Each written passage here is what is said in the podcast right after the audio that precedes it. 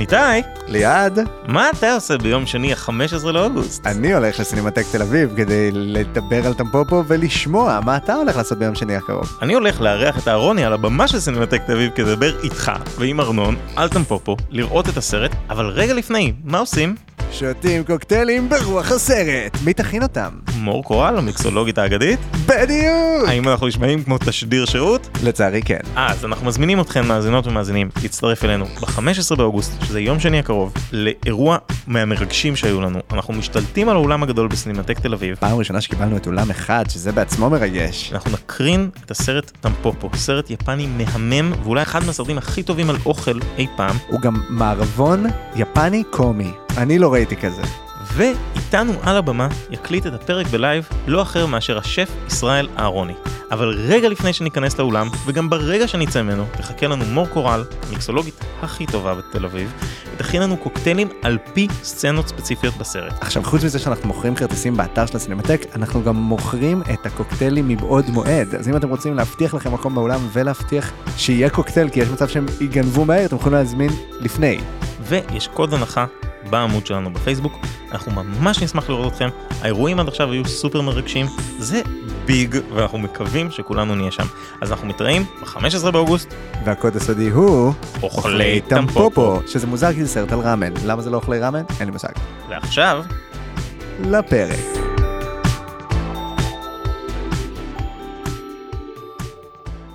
ברוכים השבים לאוכלי סרטים, הפודקאסט על קולנוע, פילוסופיה ומה שביניהם, והפעם, Ocean 11.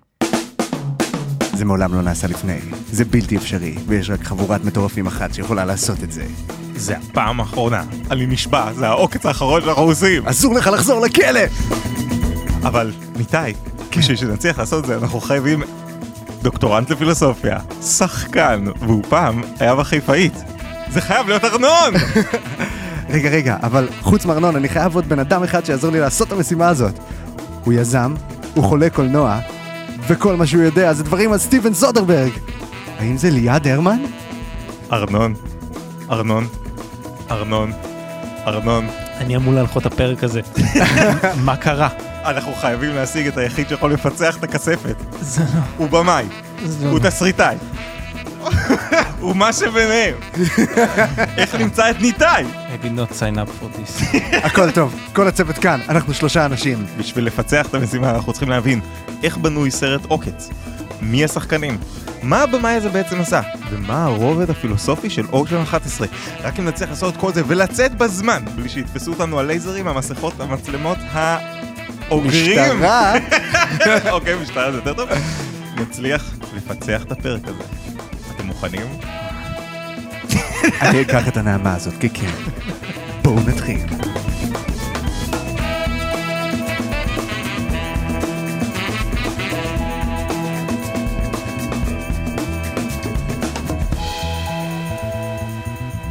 אז ברוכים השבים לאוכלי סרטים, הפודקאסט על קולנוע, פילוסופיה ומה שביניהם. ליעד, אני קורא אותך לסדר מיד.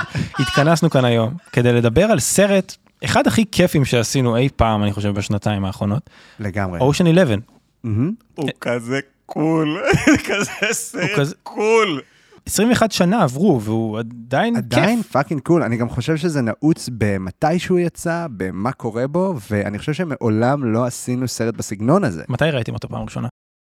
אני חושב שראיתי אותו כשהוא יצא, בתור ילד, אני ואבא שלי היינו רואים מלא מלא סרטים ביחד, וכאילו ראיתי את זה, וזה היה באמת אחד מהסרטי שוד הראשונים שראיתי, כי, כי הייתי צעיר וכן הלאה, ולא הבנתי שמה שאני רואה זה אולי אחד מהסרטי שוד הטובים ביותר שנעשו אי פעם.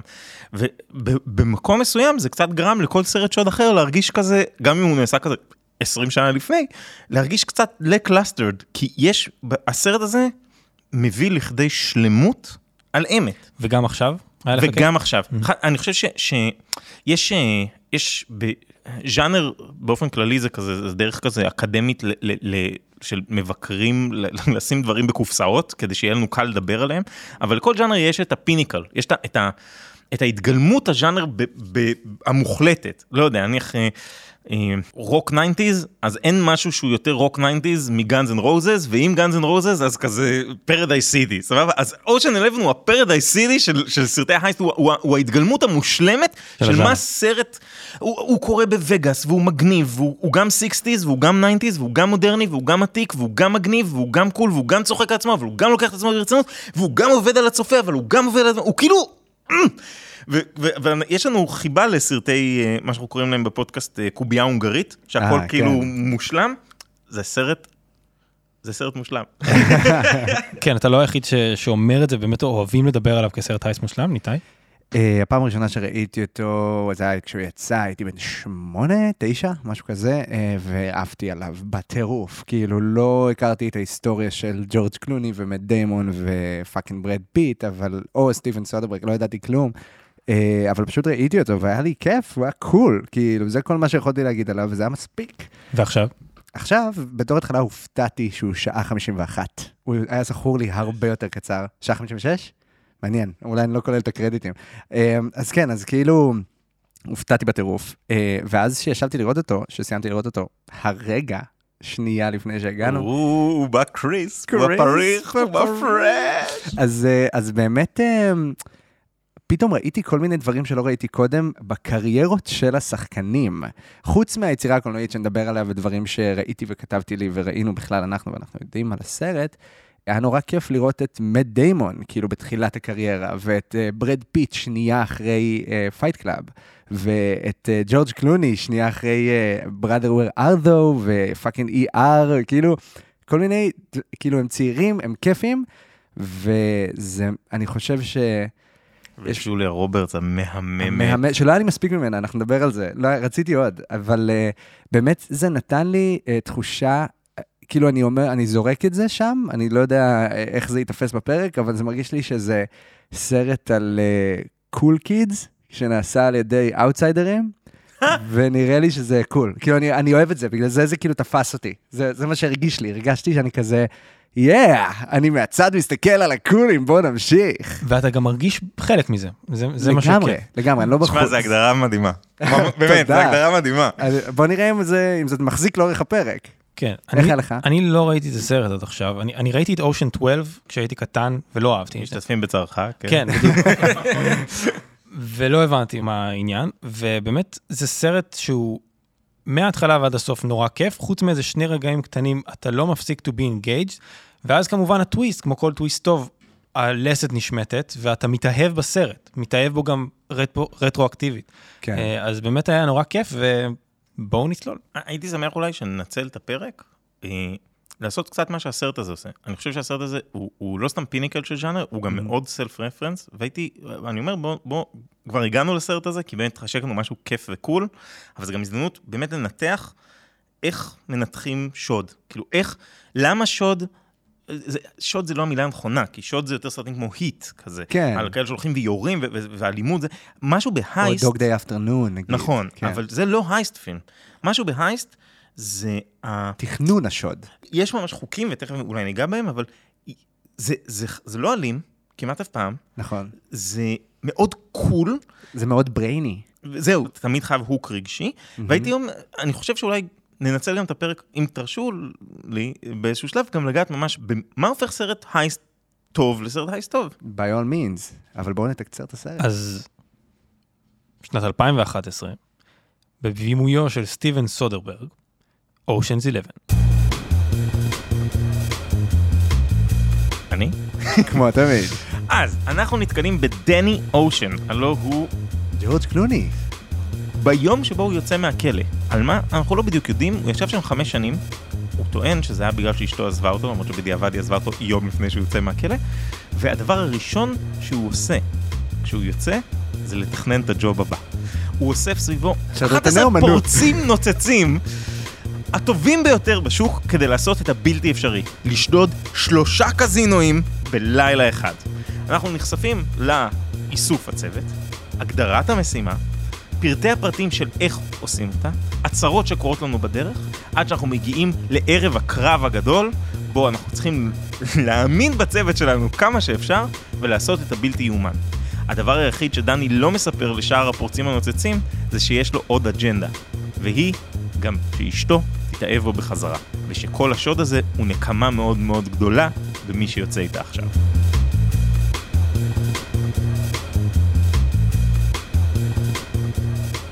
מושלם, איזה תקציר כיפי, רק לשמוע אותו אני נהנה, כאילו. טוב, אז אמרנו מתי ראינו את הסרט פעם ראשונה, איך היה לראות אותו עכשיו, ועכשיו אנחנו יכולים להתחיל אה, ולצלול לסרט עצמו. לגמרי, לגמרי. אני מת על סרטים שעוד לפני שהם מתחילים, כאילו כבר כשאנחנו רואים מי עזר לממן את הסרט, כבר מתחיל הדיאלוג. וזה כיף, כי אתה כאילו, איך שאתה, אתה עוד לא ראית שוט, עוד לא ראית פריים אחד בסרט, וכבר אומרים, אה, סוהר מספר 3, תכניס אותו, אוקיי, שומעים שלשלאות וזה, ואתה כאילו, אוקיי, אני בפנים. אה, וזה דבר שנורא אהבתי. Mr. Ocean, what we're trying to find out is was there a reason you chose to commit this crime, or was there a reason you simply got caught this time? My wife left me. I was upset. I got into a self-destructive pattern. If released, is it likely you'd fall back into a similar pattern? She already left me once. I don't think she'd do it again just for kicks. Mr. Ocean, what do you think you would do if released? וזה לא מפסיק כמעט אף פעם. כאילו, יש כאן קצב שהוא ברמת הגאונות. אומרים לי אושן 11, הדבר הראשון שחשב זה cool. וזה כל כך קשה, כי כשאתה מנסה להיות cool, אתה לא בהגדרה. לא cool, מצד אחד, ומצד שני, כשאתה לא מנסה להיות cool, כאילו, הם- הוא הצליח, מאוד הגנבת אותי מה שאמרת קודם, זה סרט על cool kids, בזווית של איזה weirdo, כאילו. כן, ו- בכלל, גם התסריטאים, הם כאילו אף פעם לא היו המגניבים, וזה נורא בולט מהדיאלוגים, כי זה לא בטמן שיגיד את הדבר הנכון וייתן את האגרוף ב- בנקודה הנכונה. זה כאילו, הם אומרים את הדבר הנכון, אבל זה בא ממקום אמיתי. ובאמת היו שם כמה דיאלוגים שאמרתי, לא יכול להיות שזה נכתב כל- כך טוב. זה לא יכול להיות שבסרט heist הם, הם זה כזה sharp, הדיאלוג בעיקר כמובן בין טס לאושן הראשון. שהיא יותר חדה ממנו, בעיניי. זה פשוט כתוב בצורה אני- גאונית. אני חשבתי שאנחנו מדברים על- על אה, ברד פיט שמשחק את רסטי, אה, שהוא פשוט אוכל כל הסרט, זה זה ברד פיט אוכל במקסימום, וזה נהדר. הרי, אה, אני מתנצל, קפצתי ישר ל cool כי אני רוצה להיות מגניב, אבל, אז אולי נתחיל בהתחלה, אנחנו אוקיי. חדים על זה שהסרט הוא רימייק. כן, כן, משנת משמעית. 61. סבבה, שנת אז 1990. הרימייק הוא סרט לרדפק, הרדפק היו חבורת הזמרים הכי נחשבת פרנק סינטרה. בשנות החמישים, בואכה תחילת שנות ה-90, לפני מהפכת הפרחים כאילו, שבראשם כמובן עמד פרנק סינטרה. עכשיו, הם השתלטו על וגאס, שנולדה אמנם 30 שנה קודם, אבל נהייתה בתודעה האמריקאית פחות או יותר שם, כי סינטרה גם כמובן היה מעורבב עם כל המאפיה וכן הלאה וכן הלאה, אה, והוקמה על ידי גנגסטרים יהודים, וזה מיוצג גם בסרט וכו', אבל אושן 11 המקורי, מעבר להיותו סרט משעמם בתכלית שאתם לא מדמיינים, מזל שלא ראינו. ממש, סרט גרוע מאוד, הוא סרט שנעשה על ידי הרדפק, בשביל הרדפק, גם מסיבות מיסויות וגם כדי לעשות כיף בווגאס. כאילו, בואו נממן לעצמנו נסיעה, אנחנו ככה כולנו מופיעים שם, בואו נשב, והסרט פשוט עשוי, הרבה יותר מזכיר את, את, ה, את הדוקומנטרי האחרון שעשו על הביטלס, או, או סרטי כאלה. בוא תהיה זבוב על הקיר עם הילדים המגניבים. מדהים. ומה שסודרברג עושה עם אושן 11 החדש, הוא בא ואומר, אוקיי, מי ה Rat Pack של ימינו? זה כבר לא הזמרים, זה באמת ה movie stars, אנחנו מדברים לפני, כאילו, הסרט שנת 2000, 2001, כן. זה שיא עידן ה movie stars, זה לא ה action star של שוורצנגר וכן הלאה, זה ש movie stars היה מה ששם אנשים בכיסא. ואתה יודע, אני חושב שזה הפעם האחרונה, אתה מבין? כי מאז, אני חושב על movie stars, והם כולם בגלימות או בסיקוולים, כי וכאילו... זה רגע לפני שר טבעות. זה כאילו- כן. רגע לפני שה franchise נהיה משהו הדבר, לראיה, אושן הפך ל franchise. חד וחלק, אתה. צודק מאוד. והוא גם מסמן לנו את זה כבר בהתחלה, שהופתעתי לראות את טופר גרייס, אתה יודע, מ-That 70's Show, ויש שם את, אה, כאילו, עוד כמה מכוכבי טלוויזיה. כשאנחנו- בשולחן הפוקר. כן, כן. כשאנחנו אומרים, אה, ראסט מלמד כוכבי הוליווד איך אה, לשחק קלפים, אז אנחנו רואים והוא אותם. צוחק עליהם, הם כן. אידיוטים, הם מפגרים, והם באו כדי לצחוק על עצמם, הם לוהקו לסרט כבדיחה אישית. ואולי זה חלק מה שהופך את זה לגרוע, כי סודרברג בא ואומר, רגע, רגע, אני אקח את הסרט האיקוני הזה מהשנות ה-60, והוא יודע שהוא גרוע. כאילו, אין, אין סיכוי שהאיש באמת אוהב את הסרט, אבל אני אנסה לקח ולייצר את אווירת הקול הזאת מצד אחד, ומצד שני, אני הולך, בשביל שזה יהיה מגניב באמת, בשביל שזה יעבוד באמת, אני הולך לייצר את השוד הכי מושלם שנראה על תולדות הקולנוע, כי רק אם האנשים האלה באמת יוכלו לעשות את זה, הם לא יהיו פתטיים כמו החבורת, אה, אגב, הם כולם כוכבי טלוויזיה שמוצגים ככוכבי קולנוע, אבל הם לא יהיו פתטיים, והוא עושה פה, וזה משהו שאני רציתי לשמור סוף פרק, אבל אני אתחיל איתו בהתחלה, תמיד, תמיד, תמיד בסרטי הייסט, מי שעובדים עליו זה הצופה. אנחנו המטרה, אנחנו המרק תמיד. וזה עובד פה הפוך על הפוך. הוא בא ואומר לי, כוכבי קולנוע הם טיפשים, אין מה להריץ אותם, אבל אני יודע שאתה פה בגללם, אז בוא נראה לך למה הם באמת מגניבים. כן. ואתה... ואיפשהו בין הצלילי גיטרה של ה-60's לג'אז הלאונג' של ה-50's, אתה שם ואתה אומר, כן, אני קול ואני גם רוצה את המשקפי שמש. ברור, גם יהיה, לגמרי. גם יש את העניין הזה, אתה יודע, רואים את ה... בסוף הסצנה עם הכוכבי טלוויזיה האלה, ברד פיט וג'ורג' קלוני יוצאים ובורחים מהפפרצי, שכל הפפרצי מופנה לכוכבי הוליווד הפיקטיביים האלה. עכשיו אני רואה את זה וברור לי שבמציאות... הם כוכב... כאילו במציאות זה היה הפוך, כל הפפרצי, ברגע שצילמו את הסצנה הזאת, ברור לי שרצו לברד פיט וג'ורג' קלוני ועזבו את טופר גרייס בצד, וכאילו למי אכפת ממנו. אז כבר פה יש איזו רפלקסיביות מעניינת, אה, ואם ניקח את זה וכאילו נקפוץ ל Inception, משהו כמו 20 שנה אחר כך, זה גם סרט heist שמדבר על filmmaking בחלום. אז כאילו, אם אנחנו מתייחסים ל heist, כ filmmaking, אם זאת קריאה שאני אייצר כאן במהלך הפרק, אז אני חושב שאפשר להגיד שג'ורג' קלוני הוא התסריטאי וברד פיט הוא הבמאי. אני חושב שזה... Inception היה עשור אחרי זה. אבל אני חושב ש- שאתה צודק, ואני חושב שאנחנו חייבים להתייחס לזה. הרבה מהקסם, ואני חושב שהרבה מהסיבה שיש כל כך הרבה סרטי heist, זה כי הם מטאפורה לעשיית קולנוע בלי put it on the nose. ודיברנו על זה קצת בפרק על אביר האפל לדעתי, או אני לא זוכר, אבל באמת, נוצר פה צוות, משימה, שיש לה משימה מאוד מאוד מוגדרת, שהיא כמעט בלתי אפשרית. שהיא כמעט בלתי אפשרית, שבו אתה צריך איש מקצוע מאוד ספציפי לכל לכל אחד ש- מהרכיבים. יש את ה mastermind האחד שמבין מה צריך לעשות, יש mastermind אחר שמבין איך צריך לעשות, והם כמו בקונצרט מנצחים על אנשים, מהם מישהו שהוא רק הנהג, אבל גם אותו אתה חייב שהוא יהיה הנהג הטוב ביותר, בלה בלה בלה, אה, וזה באמת מטאפורה לעשיית קולנוע, וסודרברג כקולנוען, שהסרט הראשון שאיתו הצליח, הוא סרט מאוד רפלקסיבי, סקס, שקרים ווידאו טייפ, שמדבר על המדיום של הקולנוע, הוא, הוא כאילו לא, הוא לא הצליח להתאפק, אתה מבין? הוא, הוא היה אני- חייב לעשות את זה. השאלה אם זה מודע או לא, ספציפית. אני בסרט. חושב שבוודאי שכן, וספציפית בסרט הזה זה קורה בהרבה רבדים. הוא גם, אמרנו בתחילת הפרק שזה אחד מסרטי ההייסט הכי לא אלימים שראינו, וממש אה, סודרברג מדבר על זה, והוא אומר, זאת הייתה בחירה מודעת, אני לא רציתי שאף אחד ייפצע, וגם כל הקאסט, שזה קאסט נוצץ לכל הדעות, והיו גם אנשים אחרים שהיו אמורים להיות, וזה ברני מק, מרק וולברג, ו- מרק וולברג היה אמור להיות בפנים. היו אמור להיות, אה, מאט דיימון? מאט דיימון? כן, די! אשכרה! כן, והוא סירב בגלל הסרט הנורא שיצא באותה שנה, כוכב הקופים.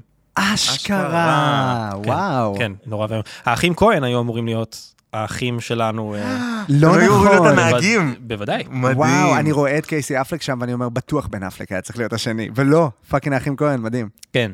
וכל ה cast הזה, ה cast המאוד נושא הזה, קיצץ בשכר שלו, כולם קיבלו פחות ממה שהם רגילים לקבל, כדי לגרום לסרט לקרות, כי כולם אהבו אותו מאוד. יש תחושה, אני לא יודע אם זה מבוסס מה שאני אומר, יכול להיות שלא, אבל יש תחושה שלכולם יש איזה מין vision ב-2001 של איך הוליווד אמורה להיראות, גם כאילו הכוכבי קולנוע עצמם, גם סודרברג הבמאי עצמו, וגם הצופים שבאים לראות את הסרט, שכאילו כולם מתגייסים למשהו שהוא סמי עצמאי, אבל מאוד שופע כסף וזהב וזה, ואומרים ככה זה עומד להיראות, כאילו אז- אז ככה אני- אני סרטים לא- ייראו. אני לא יודע על סודרברג ושתכף ניגע בו, אבל המרק, המטרה, מרק בהגה המקצועית של מישהו שבאמת עשה אפס הייסטים, הוא המטרה שאותו אתה מנסה לרמות, הוא קודם כל אנחנו. כן, והיית בווגאס? כן. אתה היית בווגאס? אתה יודע שווגאס זה לא וגאס. אני עוד מעט, רגע, אז אני עוד מה? מעט אעשה פינה על וגאס.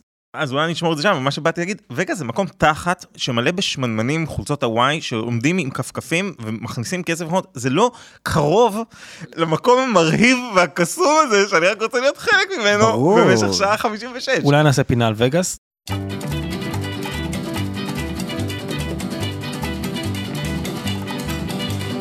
Bright light city, gonna set my soul, gonna set my soul on fire.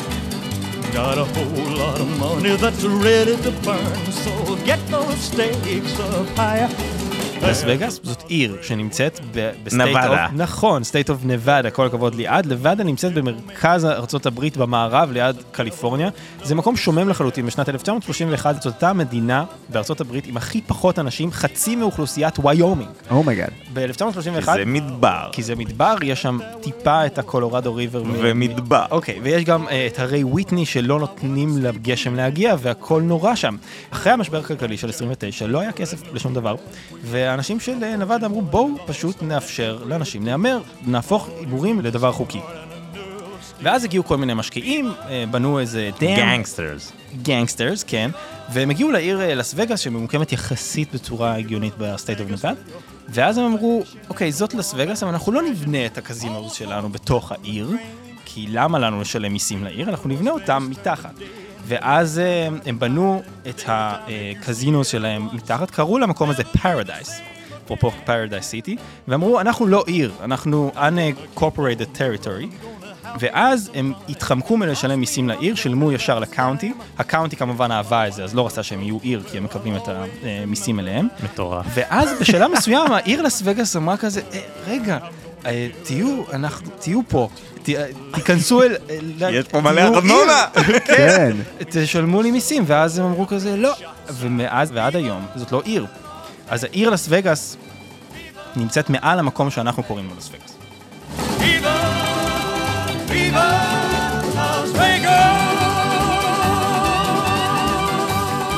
אז זה היה שתי דקות על לס וגאס, שהיו באמת מרתקות, אבל כמו שאמרת, לס וגאס היא לא לס וגאס בכמה רמות, וגם לס וגאס של הסרט היא לא לס וגאס שלנו. כתבתי לעצמי, השאלה הראשונה שנשאלת בסרט, זה, איך הגעת לכלא? הפשע שביצעת אותו, התכוונת לבצע אותו? כאילו, אומרים עליך שאתה פושע בהמון דרכים, אבל אף פעם לא נתפסת, ואז הוא אומר, נכון, אף פעם לא, אף פעם לא האשימו אותי בשום דבר חוץ מהפשע הזה. ואז הוא אומר, אבל מה שאנחנו מנסים להבין, זה אם אתה, האם הפשע הזה, אתה התכוונת לבצע אותו, או שזה היחיד שפשוט נתפסת. ואני חושב שיש בשאלה הזאת שאלה גם על הבמאי. כאילו, מה הוא מתכוון?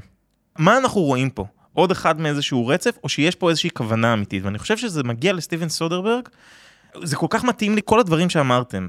סטיבן סודרברג הוא הבמאי הכי מוזר בהוליווד, בפער. יותר מלינץ'? יותר מלינץ', לא בעשייה שלו, בקריירה שלו. הוא התחיל כבמאי אינדי מוחלט, זאת אומרת, הוא היה מהגל של טרנטינו, כזה 89, סקס שקרים ווידאו טייפ, זוכה פסטיבל כאן, מעיף אותו לחלל העולם, כאילו. ברגע שכל האולפנים מחפשים בעצם במאים עצמאיים כדי לממן אותם ולהפוך אותם לפנינה שלהם. בדיוק, ושם סודרברג נכנס, וסודרברג מאוהב בעשייה הקולנועית, הוא חולה על זה. עלה האייספין הוא איך עושים קולנוע, הוא, הוא מת על זה, הוא מת על זה, והוא כל הזמן עובד בשוליים, ופתאום הוא מקבל הזדמנות לעשות את אחד הסרטים הכי גדולים, עם רצף הכוכבים הכי גדולים בהיסטוריה של הקולנוע, אולי פעם ראשונה מאז שנת 60, והוא עושה את הסרט הזה. ואז הוא עושה את סרט ההמשך שהוא לא כל כך טוב, והוא באיזשהו שלב מתחיל, עכשיו, אני אגיד יותר מזה, סטיבן סודרברג, מאשימים אותו שהקולקטיב של אמנים שהוא הקים סביבו, אנשים שמאוד מאוד נרתעים מהתקשורת ולא מתקשרים איתה, לא קיים, ושכל בעלי התפקידים הם הוא. זאת אומרת, אפשר ממש to trace back אורחים, אה, אורחים פיקטיביים? קבועים שלו, שהם ככל הנראה פיקטיביים, צלמים קבועים שלו, שהם ככל הנראה פיקטיביים, music composers שהם ככל הנראה פיקטיביים וכן הלאה. ואז שאגב, כשהוא- את הסרט הזה הוא צילם, תחת שם בדוי. כאילו, בדיוק. זה בדיוק מה שאתה אומר. ואז הוא באיזשהו שלב מאבד אמון במערכת ההוליוודית, פורש מהקולנוע בסערה, ומאז הוא כבר הספיק חמש פעמים לחזור לעשות קולנוע ואז לפרוש ממנו. וכל פעם הוא חוזר באיזה טוויסט אחר, פעם אחת הוא חוזר והוא עושה רק סרטים באייפון, כדי להוכיח שכל אחד יכול לעשות קולנוע. עושה כמה כאלה, ואז פורש מעולם הקולנוע לנצח, ואז הוא חוזר, ואז הוא עושה את... אה, אה, לתוך הקלנהברה, אלוהים יודע איך קוראים את הסרט הזה, סרט טלוויזיה HBO מעפן שזוכה בכל הגולדן גלובס עם מן דיימון על הפסנתרן הגיי, אה, ריי ג'ארלס, סתם. שכחתי, אה, ו- והוא כל הזמן, העיסוק של סודרברג הוא בעשייה הקולנועית, בהנגשה שלה ובדיסילוז'מנט מתוך המערכת ההוליוודית. אבל לדעתי, מה שקורה בסרט הזה, שקורה רגע לפני שהוא נשבר לו מהמערכת הזאת, זה לנסות להציג את השקר. כאילו, מה שאתם רואים, שום דבר ממה שאתם רואים, הוא לא באמת כמו שהוא נראה לכם, ולכן אם אני הולך לעשות וגאס, אני הולך לעשות את הווגאס שאתה רוצה לראות, והוא, ואני חושב שזה מתמצה באיזה רגע שבו ברד פיט מסביר למט דיימון איך אתה תהיה כוכב קולנוע, או יותר נכון, איך אתה תהיה con man נכון. והוא אומר לו, אתה צריך שיאהבו אותך, אבל שלא יזכרו אותך יותר מדי. אתה צריך להצחיק אותו, אבל בלי שהוא יצחק בקול רם. אתה חייב לתת לו את מה שהוא רוצה, ורגע אחרי זה, שהוא ימשיך בחיים שלו. וזה כאילו האמירה שלו על, על המערכת ההוליוודית, והוא לא אומר את זה ברוע. לא, אבל מה שהוא כן אומר מדהים ברגע הזה, זה משאיר אותך בדיוק בספק. הוא אומר, ולא משנה מה, אסור לך אף פעם לא לעשות זאת את רס והולך בא. הביתה. כן, וזה בדיוק המקום הזה של לייצר ציפייה וללכת. No good. Don't touch your tie. Look at me. Okay. I ask you a question. You have to think of the answer. Where do you look? No good. You look down, they know you're lying. And up, they know you don't know the truth. Don't use seven words when four will do. Don't shift your weight. Look always at your mark, but don't stare. Be specific, but not memorable. Be funny, but don't make him laugh. He's got to like you and then forget you the moment you've left his sight. And for God's sake, whatever you do, don't, under any circumstance. Russ. Yeah, Can you take a look at this? sure. וזה נוגע בפיל שבחדר, שזה איך עושים סרט הייסט. כי אני חושב שהוא הוא במאי גאון, כתבתי לי בכל מיני נקודות, הוא במאי גאון כי. וכאילו נטו רק בעשייה הקולנועית שלו. הוא במאי גאון כי אנחנו צריכים להכיר 11 דמויות. הוא מצליח להכיר לנו 11 דמויות תוך רבע שעה, זאת אומרת, give or take דקה וחצי לדמות, בצורה מושלמת. בצורה מושלמת. אבל איך הוא עושה את זה נניח עם מאט דיימון? מאט דיימון אנחנו צריכים להבין שהוא צעיר, נכון? אנחנו צריכים להבין שהוא הוא לא מנוסה אבל יש לו פוטנציאל, יש לו כישרון, ושהוא טוב בזריזות ידיים. עכשיו, שהוא קייס מעולה, כאילו. נכון. עכשיו, הרגע שבו הוא מכייס מישהו פעם ראשונה, השיטה שבה הוא עושה את זה, הוא עושה break ים, נכון? אבל כל, כל במאי אחר היה עושה כאילו סצנה שבה רואים אותו ברכבת, רואים את ג'ורג' קלוני אולי מסתכל עליו, ואז יש איזה break או slow motion, רואים אותו גונב, או like close-up. נכון, ואז ממשיכה סצנה. הוא בנה סצנה שלמה רק ב break ים. זאת אומרת, כן. עוד לפני שהרכבת מכירה, עוד לפני שאנחנו רואים את מט דיימון, כל השפה הקולנועית של הסצנה שונה מכל שאר הסרט, המוזיקה משתנה, יש ברייקים, ברייקים, ברייקים, כדי שכשנגיע לרגע שבו הוא גונב, זה יהיה לנו הכי טבעי בעולם, ואז רק בסוף הוא מראה לנו שג'ורג' קלוני זה זה שמסתכל עליו וקולט ויכול לראות את העולם בברייקים ויכול להבין את השקר של מן דיימון. שאם אה, רגע מדברים על, ה, על העניין הזה של איך לצלם סצנה באופן הכי בסיסי, מה שאנחנו רואים בסצנה הזאת זה נקודת מבט של ג'ורג' קלוני. זה נקרא שוט POV, זה בעצם point of view, ולרוב כשמצלמים נקודת מבט, אז מצלמים דמות, את מה שהיא רואה, ועוד פעם את הדמות, כדי לראות את הריאקשן. מה שהוא עושה פה, הוא לא מצלם את הדמות פעם ראשונה, אז אנחנו לא יודעים שאנחנו נמצאים בנקודת המבט שלו. יש ניסוי מפורסם של היצ'קוק על זה, שאנחנו רואים בן אדם, שוט מסוים, ועוד בן אדם. הוא החליף את השוט באמצע, וברגע שהוא מחליף את השוט באמצע, הריאקשן הממש ריק של הבן אדם מקבל משמעות. לצורך העניין, אנחנו רואים את הבן אדם הזה, ואישה יפהפייה. חזרה לבן אדם, הוא כנראה חרמן.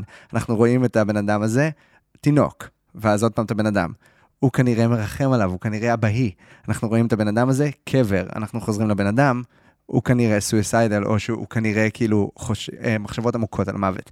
כאילו הוא מצליח לייצר רק מהניסוי הזה, להדגים את הכוח של נקודת מבט. כן, והברייקים האלה, בשפה לא מקצועית, כי אני לא ידעתי נגיד שקוראים לזה ברייקים, זה נראה כמו סלואו מושן זול שכזה, זה כאילו מין משהו, ו- ויש לו כמה אפקטים כאלה לאורך סרט שזה היה שהם גאוני. שונים. כן. כן.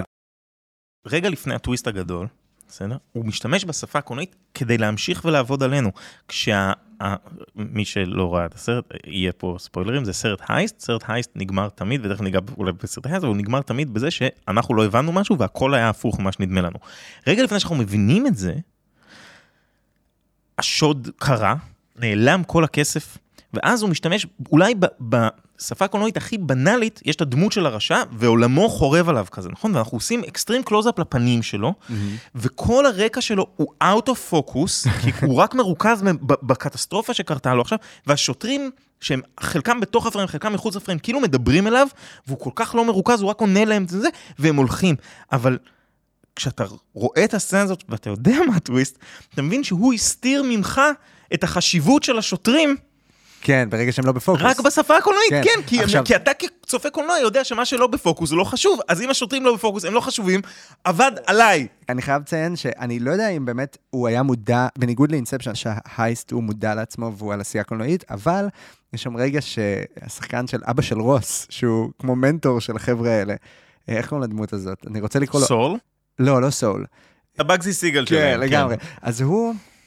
פעם הוא ראשונה שהוא- המממן. זה המממן של ההייסט. על. המפיק. לגמרי. כן? אז הם באים אליו הביתה, והוא אומר, אה, אנחנו מתים לראות מה תהיה התגובה שלו, והסצנה מתחילה ב-are you nuts? כאילו, זה מדהים שזאת התגובה, וזו גם תגובה קלאסית של כל מפיק. ואז הוא אומר, תנו לי להגיד לכם על שלושת הפעמים שבאמת מישהו ניסה לשדוד קזינו בווגאס. ואז אנחנו חותכים לשלוש ניסיונות, אה, מדליית הארד, הכסף והזהב של הניסיון לשדוד את הקזינו הזה, וכל אחד מהניסיונות האלה מצולם בדרך קולנועית ברורה אחרת. נכון. כאילו, לפי הש- הפעם- העשור גם. כן, השוט הראשון הוא שחור לבן, עם הריצודים האלה, עם הברייקים או השאטר ספיד הנמוך, אה, ואז המדליית כסף כאילו מצולמת במצלמת כתף על הגל צרפתי, כאילו, והשלישי הוא כאילו הכי קרוב למה שאנחנו רואים עכשיו. ב zoom out, זה כאילו 70's, אנחנו בעצם רואים אותו יוצא, הכל במצלמה סטטית, zoom out איטי איטי איטי, cut אחד מחוץ לקזינו, ואז עוד פעם zoom out, ואז הוא מת. נכון, ואז כסף מתפרר, וזוגתי אומר- יושבת שם ועושה, וואו, איזה שוט. כן, וגם גם בפעם השנייה מתוך שלושת הפעמים, יש שם freeze frame, שזה מאוד 70's, מצלמת כתף, הוליווד חדשה, freeze frame, אומרים משפט, ממשיכים. וזה קורה לאורך כל הסרט, הדבר הזה. אפילו פשוט בין סצנות, יש פתאום flip flop כזה של ה screen. כן, כמו- split screen. אבל זה כאילו, לא, זה לא split, זה כאילו, כן. זה שפה של אני- split ים, אני חייב להגיד- כן, זה wipe, זה נקרא אני- wipe. אני משוכנע שהוא היה מודע, ואני אגיד לך גם למה, מה מה בתוך הטקסט משכנע אותי. בסוף, הדרך שבה הוא עובד גם על המנהל קזינו וגם עלינו, זה זה שהם ביימו את השוד. הם ביימו סרט של השוד, וזה מה שהם מקרינים לו. כאילו, אין לי ספק, אתה...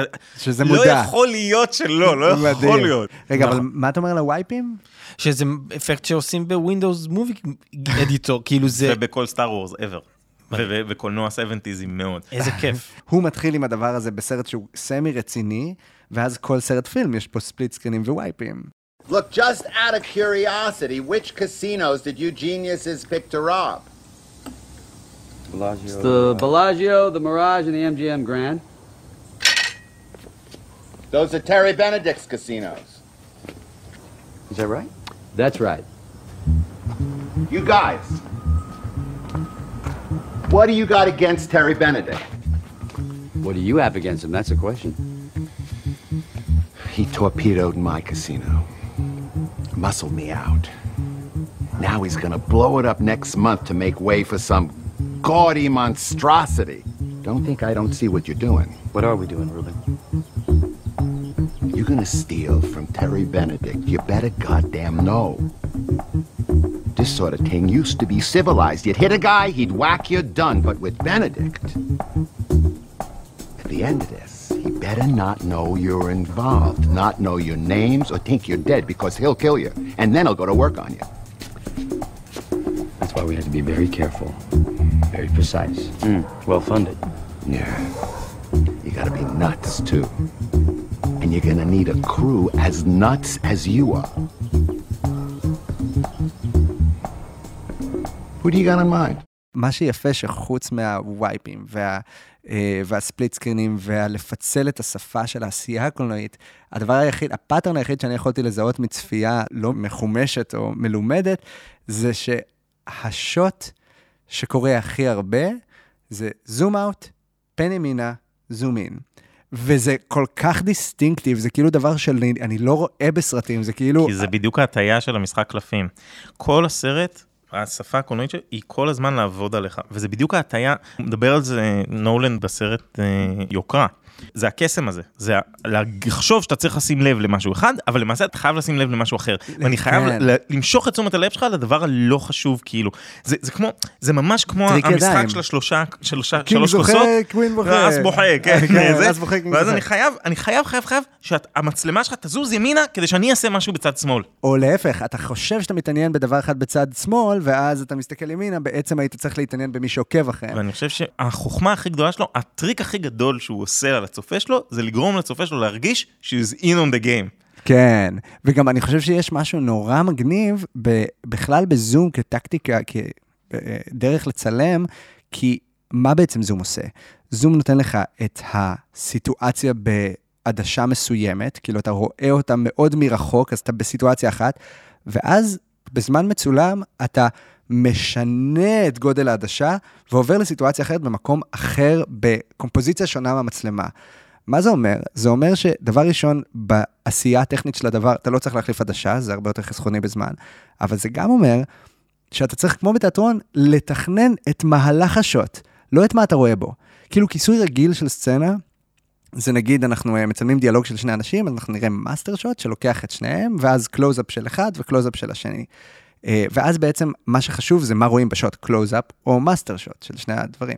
ברגע שאתה עושה קל... זום, אז מה שחשוב זה לא מה שאתה רואה בשוט, זה מה שאתה רואה בתחילת השוט, מה שאתה מרגיש באמצע השוט, ומה שאתה רואה בסופו. זה בעצם storytelling באופן טכני, שמה זה אם לא קולנוע. ממש. וזה ממש מרגש, וזו פעולה שהיא כביכול רגועה, נכון? זו פעולה שכל צופה גם לא מיומן פשוט רואה על המסך, והיא כל כך מורכבת אופטית, שחייבים לתת לה רגע את המקום ואת הכבוד, כי זה חתיכת filmmaking ברגע כזה. גבירותיי ורבותיי, כבוד. זום אין ואוט, זום אין וזום אאוט. I have a question. Say we get into the cage and, and through the security doors there, and down the elevator we can't move, and past the guards with the guns, and into the vault we can't open. Without being seen by the cameras. Oh, yeah, sorry, I forgot to mention that. Yeah, well, say we do all that. Uh, we're just supposed to walk out of there with $150 million in cash on us without getting stopped?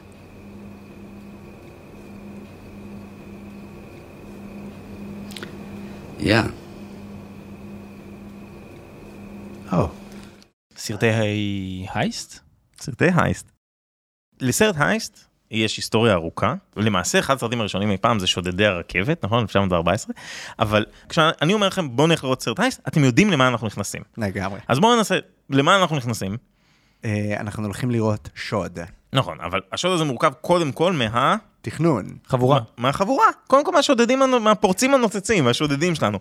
אנחנו יודעים שיהיה לנו קצת כמו ביחידת המתאבדים לאחרונה, קצת כמו בזה, מי האנשים? והם- אה, אה, אוקיי. כן, חשבתי דבר. שאני צריך לענות. אתה ענה. אה, הדוד של החומר נפץ. ה mastermind שהוא קצת גיק גם, לא mastermind, כזה ה geek computer guy, באמת ה mastermind שזה כאן אה, דני אושן. הג'וב האיטלקי המקורי עם מייקל קיין, אה, מייקל קיין. איך אוהב להזכיר את מייקל קיין בשביל החיקוי. ששם היה באמת איש חומרי נפץ, והג'וב האיטלקי המחודש עם מרק וולברג, ששם באמת היה חנון מחשבים. כי מישהו צריך לעבור מנעול, נכון? מכל סרטי משימה בלתי אפשרית בנויים כמו heist films. יש. משימה, היא בלתי אפשרית, ועכשיו נאסוף את הצוות שיצליח להפוך אותה לאפשרית. אז קודם כל אנחנו, אנחנו יודעים שיהיה פה cool rosters של דמויות מגניבות, שלכל אחד יש quirk. נכון? האיש מחשבים הוא גם עצבני, סאול הוא גם יש לו צרבת.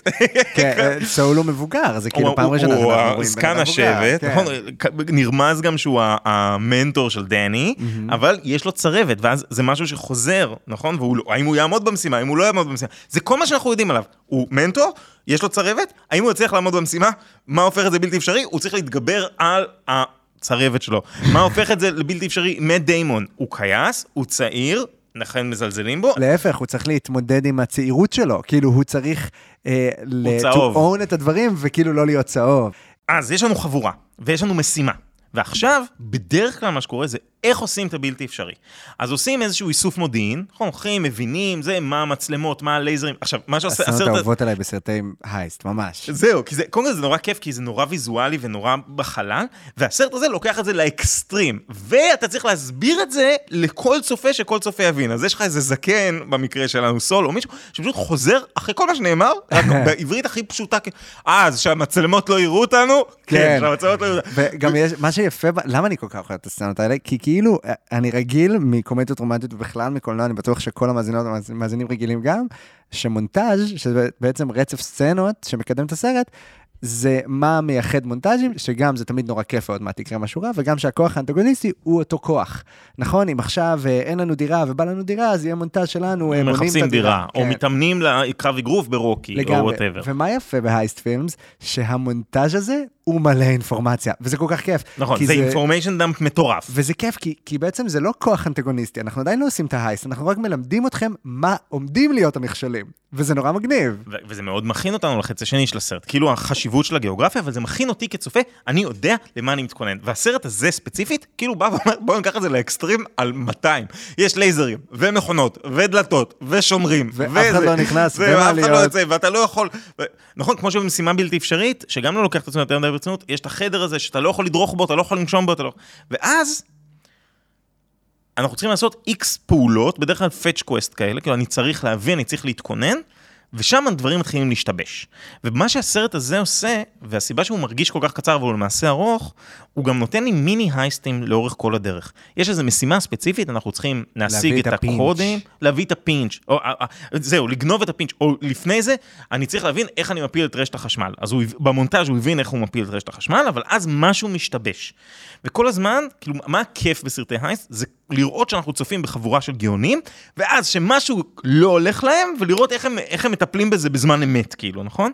והסרט הזה נותן לי את זה בכמה איטרציות, וגם כל פעם הוא נותן לי יכולת להגיב על זה, כי גם הדמויות האחרות מגיבות על זה. כש, כשהוא נכנס לתקוע את הכבל במצלמות כדי שיהיה לו גישה למעגל הסגור, הוא מנגב את היד מזיעה, נכון? ואז הוא לא מוצא את דרכו החוצה. אבל לא רק זה קורה, אלא במקביל, רסטי ודני מסתכלים עליו במסך ומבינים כמוני, אוי אוי אוי, משהו, כאילו... ואז מגיע ההייסט עצמו. רגע, לפני ההייסט עצמו. ההוק לנו- הרגשי. לא, יש לנו את הרגע שבו מתארים בדיוק מה יהיה בהייסט, ואנחנו רואים את זה קורה מול העיניים, נכון? תמיד יש כזה... נכון, את כן. מה יהיה. כן, ו- ותמיד זה נורא נורא קשה ל- ל- לי, גם כצופה, מעצבן אותי לראות את הרגעים האלה בסרטי הייסט, וגם כיוצרים, זה, זה תמיד קשה, כי אתה אומר מה עומד לקרות, ואתה מראה אותו, אז זה בעצם קליפ של ה-best case scenario מה heist הזה, שבטוח לא יקרה. אז איך אתה מעביר מה-best case scenario לחזרה ל-worst case scenario, כן. להכל משתבש. לגמרי, והיה את זה נגיד בסרט ישראלי בשם לצוד פילים, אולי הסרט heist היחיד שהיה פה, עם של- פיקארד, עם, אה, עם אה, סר... אה, סטיוארט. כן, סר פטריק סטיוארט, קפטן פיקארד בשביל כולנו. קפטן פיקארד. זה, וזה גם ספין על סרט heist, שבעצם חבורה של מבוגרים שודדי בנק.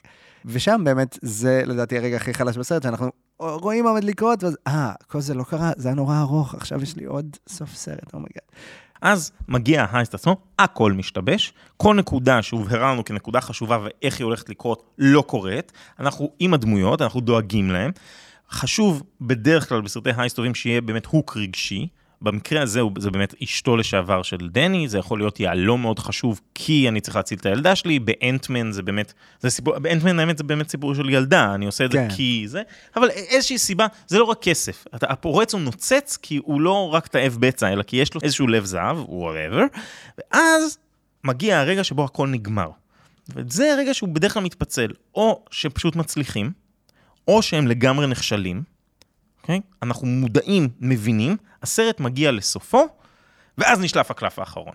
שהקלף האחרון זה שלמעשה, we were not in on the joke, אלא הפורצים הנוצצים עבדו גם עלינו. אבל מה שמושלם ונפלא, זה שזה לא על חשבוננו, אלא כמתנה בשביל הצופים, כי זה הכי מתגמל. נכון, בסרט הספציפי הזה. זה, אני חושב שפה מובדל גם היכולת של הסרט הזה להיות סרט heist כל כך כיף.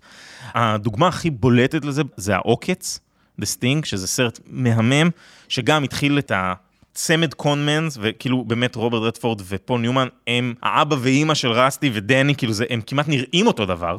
ושם מה שקורה זה שבאמת הם, הם מתים, sorry על הספוילר. literally, כן, ואז הרשע חשב שהוא ניצח, הוא קם והולך, ואז אנחנו מגלים שגם המוות שלהם היה חלק מהעוקץ, כאילו. והופה, ועבדו עלינו הצופים, וניצחון, וכולם שמחים, וקתרזיס. עכשיו, הנוסחה הזאת היא כל כך מדויקת, שממשימה בלתי אפשרית, סדרת הטלוויזיה ב-70 ומשהו, דרך הסדרה, ה-Hustlers, או איך שלא קראו לה, הבריטית, BBC, עשו שש עונות של פרק אחרי פרק, שפשוט עושים את זה. ופעם אחת גונבים ציור, ופעם אחת גונבים ספינה, ופעם אחת... אבל זה, זה ממש... יש ספר איך אני עושה סרט heist. ומה שהסרט הזה בא ועושה, הוא בא ואומר, אוקיי, איך אני עובד על הצופה כשהוא כבר מכיר את כל החוקים? אז אחד, אני לוקח את כל המכשולים ומגביר אותם לאלפיים, ושתיים, אני נותן לו fake twists, כדי שהוא יחשוב שאני יודע מה הוא עושה, ועדיין ה mark זה קודם כל לעבוד על הצופה. ומה שאתה אמרת נכון, ומה שאתה אמרת נכון, זה שהסרט הזה עושה את זה בחדווה הכי גדולה בעולם. כי הוא בא ואומר, אני אגרום לצופה שלי להרגיש קול, גם אם אני לא, ואני אתן לו את הטוויסט כמתנה. וזה זה, זה סוגר לי את הזה שאני עומד שם, וכל מה שבאנו לעשות זה לעמוד יחד איתם מול המזרקה ולהחזיק ידיים, כאילו... ממש. תודה על זה, זה היה מעניין מאוד, ו- ובאמת אה, מחזיר אותי לכל מיני רגעים בסרט, שזה מהדהד מה שאתה אומר על הסרט הספציפי הזה כסרט heist, גם באמת הרגע הזה שקרל ריינר אומר, אז אחרי שניכנס אה, לדלת שאין לנו מפתח, ונלך למעלית שאין לנו גישה, ונעבור את שני השומרים, וזה, לייזר וזה, אנחנו צריכים לצאת עם 150 מיליון דולר החוצה בלי שאף אחד את זה, ואז כזה שוטים על כל הפרצופים, וכזה אושן אומר, כן.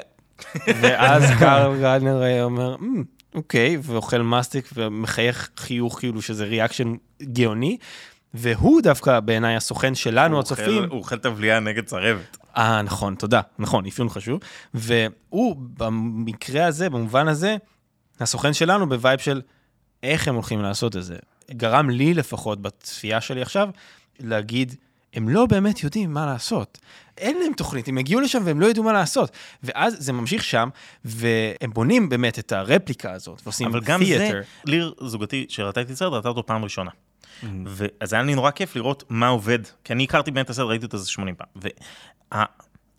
והרגע הזה שבו הוא קופץ בתוך, זה רגע, זה חלק מהמונטאז' של מה יהיה, כן. ומסבירים איך יאנג יקפוץ ויעלה ויעשה, והוא סלטה. עושה את זה, ואז המצלמה עושה זום אאוט, או דולי אאוט, דולי. ואנחנו מגלים שזה רפליקה. וליר אומרת, אה, זה רפליקה. עכשיו, זה עשה שני דברים. אחד, זה נתן לי מיני, מיני הייס כזה, עבדתי על הצופה, הוא הבין את זה, הכל סבבה, אני ממשיך לעבוד איך. וגם רמז מטריד. זה, וזה רמז מטרים, אבל זה צרב לה את הרמז מטרים בזיכרון, כדי שהיא תוכל להבין מה קרה בסוף. כי היא כל כך, זה היה רגע כל כך קריטי, כאילו, שהוא עבד, על- וזה קורה שוב פעם ושוב פעם, זה קורה כשאפילו עוד לפני שהם אוספים את הצוות, בהתחלה שהם עומדים מעל המסמכים האדריכליים של איך בנויה הכספת, הוא משתמש בשפה הקולנועית כדי לעבוד עלינו. הם עומדים שם, זה משרד בלילה, אנחנו כבר יודעים שהם לא אמורים להיות שם, הם מעל... אנחנו לא יודעים איך הם הגיעו שם, אבל נכנס מעל זה, שוטר. ואז נכנס שוטר ומכוון להם פנס ו- לעיניים, כאילו לת- תפס אותם פעם לתוך ראשונה. העדשה, נכון? כן. ואנחנו ככל ההיסטוריה של הצפייה הקולנועית של כולנו מאז שהיינו ילדים, אנחנו יודעים שעלו עליהם, שתפסו אותם, ואז הוא אומר, לא, לא, אתה מכוון את הפנס גבוה מדי, זה כואב לי בעיניים. אפשר "היי, ללכת היי, לצלם את דני, זה. מה, כן. אפשר ללכת לצלם את זה, מה שאתם צריכים. ואוי, אה, רגע, לא תפסו אותם. זאת אומרת, אנחנו כל הזמן, הסרט בשום שלב לא אומר לנו, באמת, אתה יודע הכל. אבל הוא כן אומר לנו, אתה ב cool kids, אז אתה בסדר. אנחנו, אני מבין למה אתה אומר שאנחנו סול, כי גם סול לא יודע הכל, אבל כאילו, זה מעין blind faith כזה של ה... כן, ורק להשלים את הנקודה על ה theater הזה, הם כן מספרים לנו משהו, עם, שזה נכון, הם בנו רפליקה כדי להתאמן, אבל obviously, הם בנו אותה, spoiler alert, כדי לצלם את ה heist שהם הולכים להקרין אל מול הדוד הרשע, ולשקר לו שזה קורה עכשיו, כדי להכניס אותם כשוטרים ולקחת את הכסף, זה כזה מדהים. מדהים, כן, והשקר האולטימטיבי הוא הקולנוע. הוא מה שאתה לגמרי, רואה על הוא- המסך. הוא הווידאו, זה הכל צולם בווידאו. ולא ידענו שבשביל זה הרפליקה, ואז אנחנו בדיעבד מגלים הכל. Walsh, cue up the tape to the robbery. Yes, sir. I'm looking at the tape now. Does it say Bellagio on the vault floor? No, it doesn't. Uh, I don't understand. We had it installed on Tuesday. The images we saw of those men robbing us was a tape. What? It was staged. Somebody made a duplicate of my vault. And what we saw on the monitor wasn't actually happening.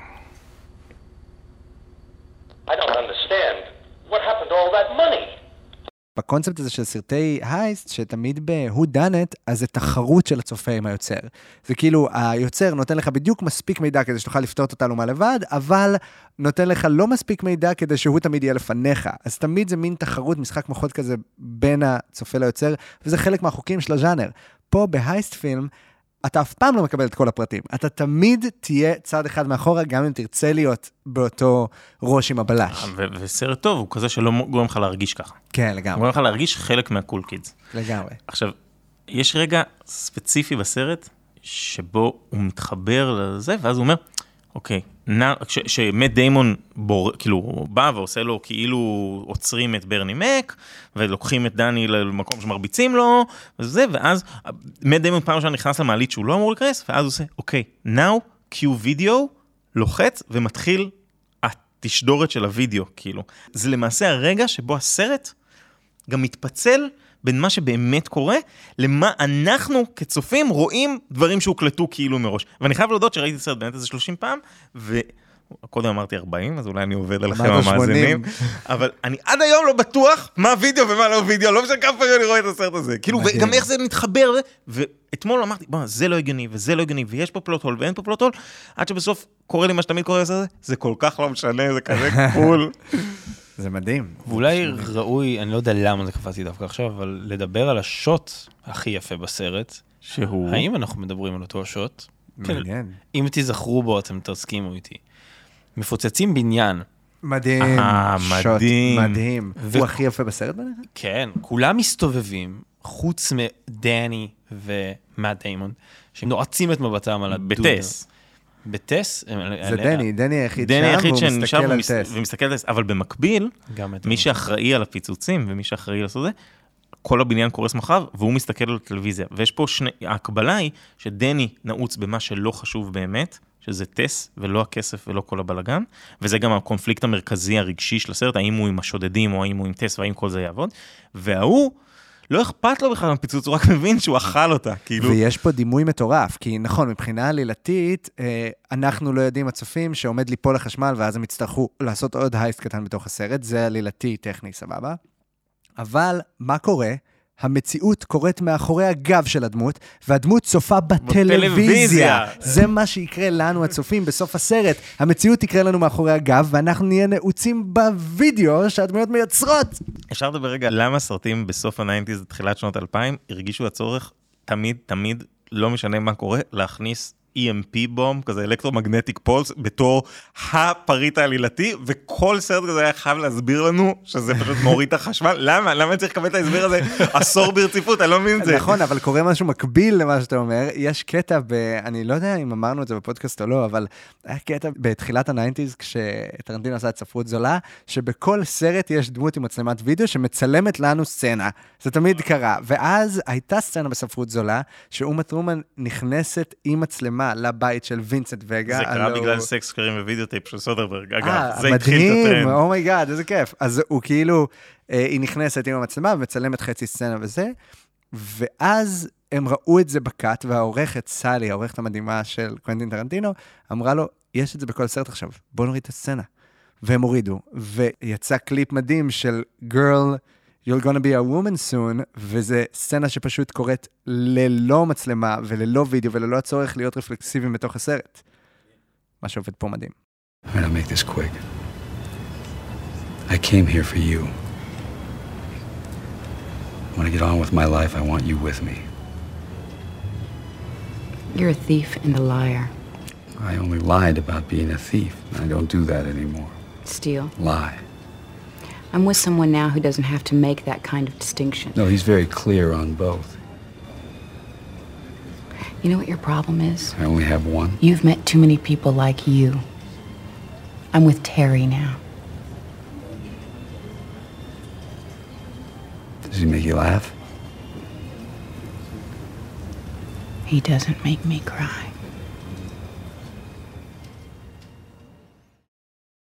לפני שאולי נאכל את אושן 11, משהו שלא נגענו בו ומשהו שאמרת שיש לך אולי שאלות לגביו, אבל התעסקנו בהיסטוריה של הבמאי, התעסקנו במה זה הייסט פילם, התעסקנו הרבה בטכניקה של איך עובדים עלינו ולמה זה כל כך כיף לנו שעובדים עלינו, אבל יש פה רובד גם יותר עמוק.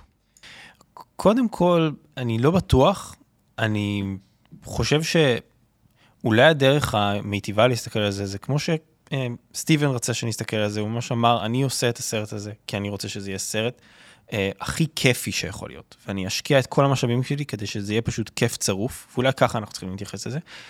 כן עלה לי, אני לא יודע עד כמה זה עמוק, אבל לא דיברנו כך על טס ועל דני.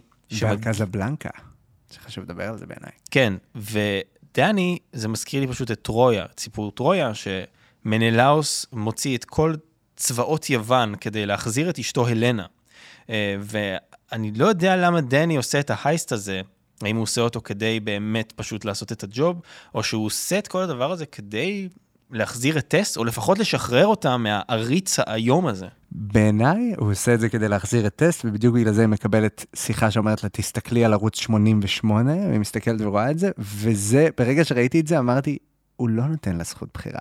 למרות שכאילו כל המציאות אומרת, "אה, אם הייתי מחזיר לך את הכסף, היית מוותר על טס, והוא אומר כן, אז זה כאילו הדמות של בנדיקט הייתה יכולה לעשות מה שהיא רוצה, ולהג... ולא להגיד כן, ולא לפגוע באמון של טס, אבל זה מרגיש שהוא נותן לטס כאילו את כל הקלפים ותחליטי את, אבל כולנו ידענו שזה מה שבנדיקט יגיד. סוג של, לא?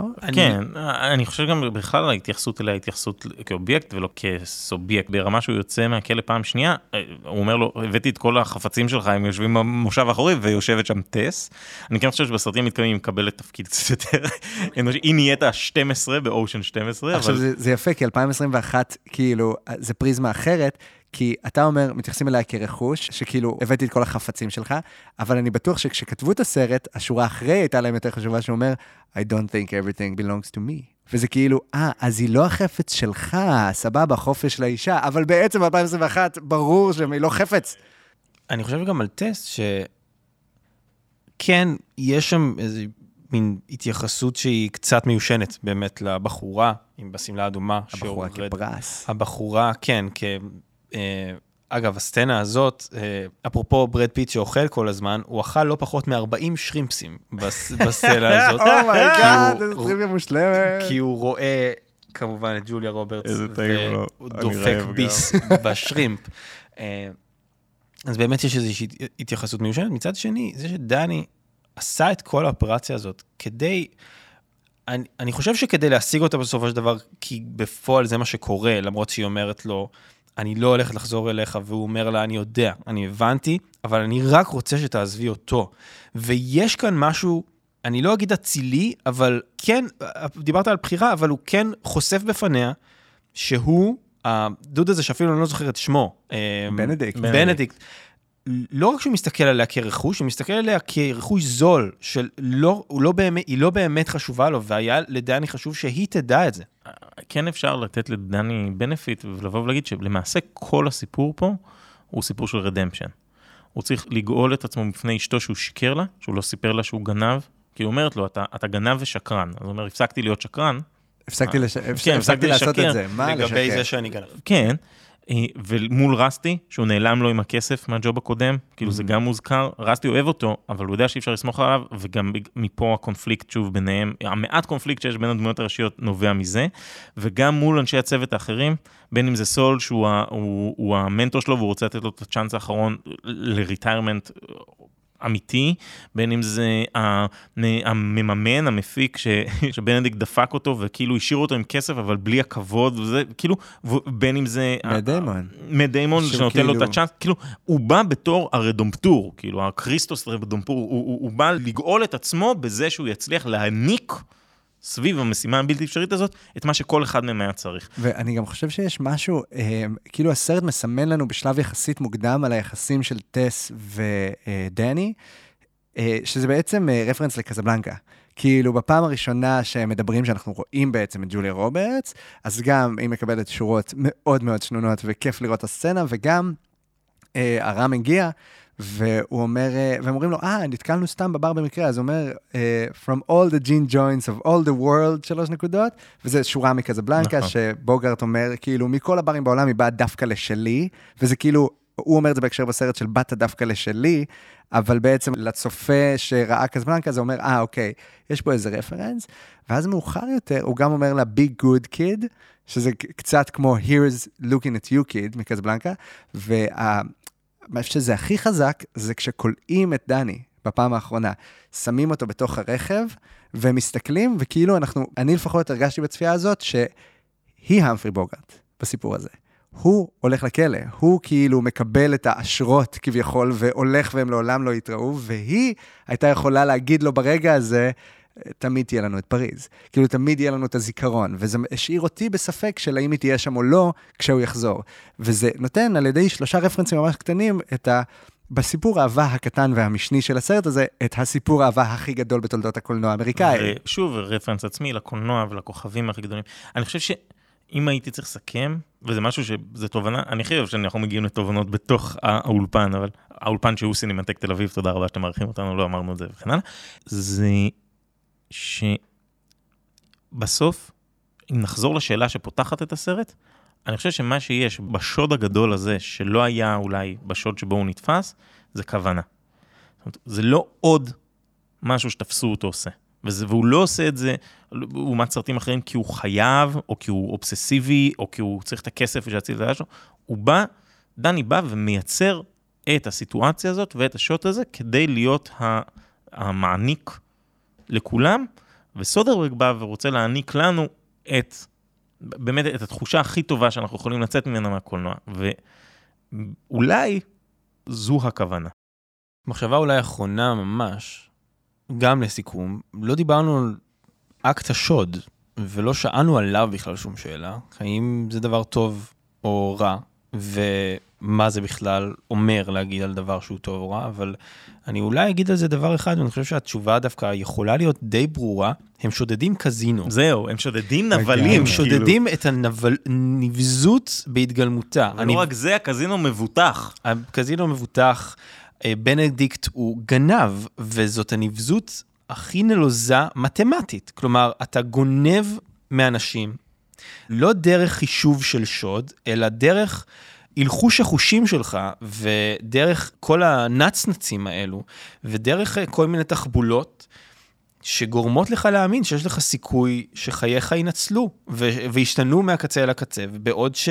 הכסף שלך מתמטית בוודאות ייגזל. The house always wins. וגם יש את הקטע הזה בתורת המשחקים, נכון? שאומרים, אם אתה מגיע לקזינו ויש לך מעט כסף, אז אל תהמר בסכומים קטנים הרבה. תהמר את הכל במכה.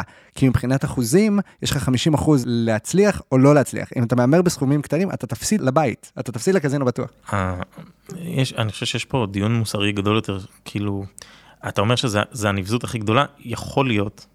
וזו שאלה, כי זה פרנסה של כמה אלפי ואלפי אנשים בישראל, כל כמה חברים שלנו, אבל שהקזינו המודרני, פייס.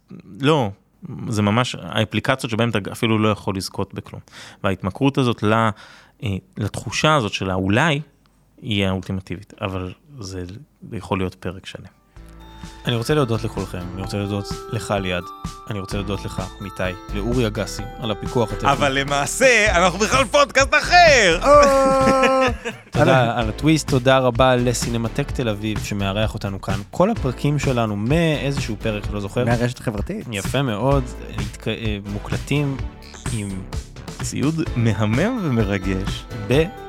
חלל סינמטק תל אביב. ממש ככה, אנחנו עושים פה אירועים, אירועים live. אנחנו עושים פה באמת כל ההקלטות שלנו, אז תודה לסינמטק, תודה רבה ליובל קורן אה, על הכל, ותודה רבה גם לרן רייטן, תמיד תודה לרן רייטן, ותודה לכם ולכן המאזינות והמאזינים שלנו. תודה רבה לאורי אגסי, גם על הפיקוח הטכני, גם שהוא יושב פה ומקשיב לנו אוכלים אחד לשני את הראש, וגם על זה שהוא עורך את הפרקים בצורה יוצאת דופן. ממש, תודה רבה, ואנחנו חייבים אה, להזמין אתכם. לאירוע שיקרה ב-15 לאוגוסט, שבו נארח את אהרוני ואת מור קורל המיקסולוגית האגדית, נראה את טמפופו ונדבר על טמפופו עם אהרוני שיודע הרבה יותר על קולנוע ממה שהוא יודע על אוכל. וגם נאכל. אוכל מעניין שם, נכון? נשתה קוקטיילים. נשתה קוקטיילים. שלושה קוקטיילים שנעשו על פי הסרט. כמעט הצלחנו. כמעט הצלחנו. יפה מאוד. כמעט הצלחנו. I'm מייקל קיי. בלה בלה בלה, בחמישה עשר באוגוסט, זה ממש עוד מעט, זה ממש בשני הקרוב. כן. בשבע בערב, אנחנו נתראה כאן. שבע וחצי בערב. בסינמטק תל אביב, כל הפרטים בפייסבוק שלנו ובאתר של סינמטק תל אביב. ו... עד אז, נתראה. אנחנו היינו אנחנו. ואתם הייתם אתם.